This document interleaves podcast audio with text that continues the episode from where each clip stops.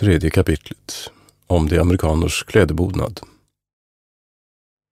Belangande dessa amerikaners klädebonad så brukade inga andra kläder utan allenast fyrkantige skörten av åtskilliga slags skinn gjorde.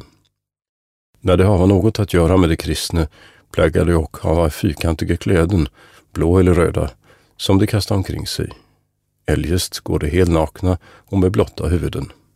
Undantagades om vintern svepade vilde djurshudar och fällar omkring sig. Vändades det ludna in åt kroppen när det är kallt, men ut när det är blitt väder. På benen och fötterna hava de och då sockor och skor av hjortehud gjorde, intet mycket olika som tattare eller lappar bruka. Sina skjorten plägade på åtskilligt maner syra och måla i linjer och rutevis med röd, blå och gul färja på samma sätt utbryta de också sina kroppar, såsom armar, lår och ben, besynnerligen kvinnfolken, med streck och linjer som ormar av åtskillig slags färg samt svarta fläckar här och där ibland.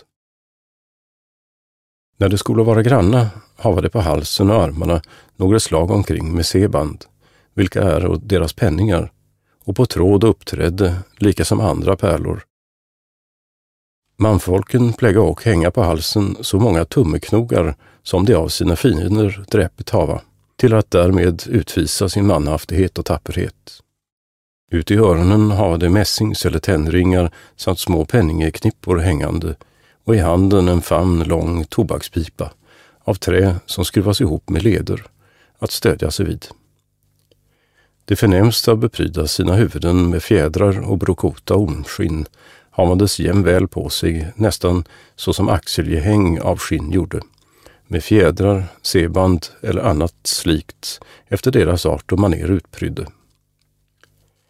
Deras sakeman eller överstar och några av deras förnämsta hava och på sistone begynt att tillhandla sig utav de kristna knäside skjortor, vilka de låter sitta på kroppen otvättade så länge det var en slippa kvar, samt knäside rockar av fris, den ena sidan på bröstet och ryggen röd, den andra gul eller blå, tyckandes det allt för mycket väl om sådana granne kläder.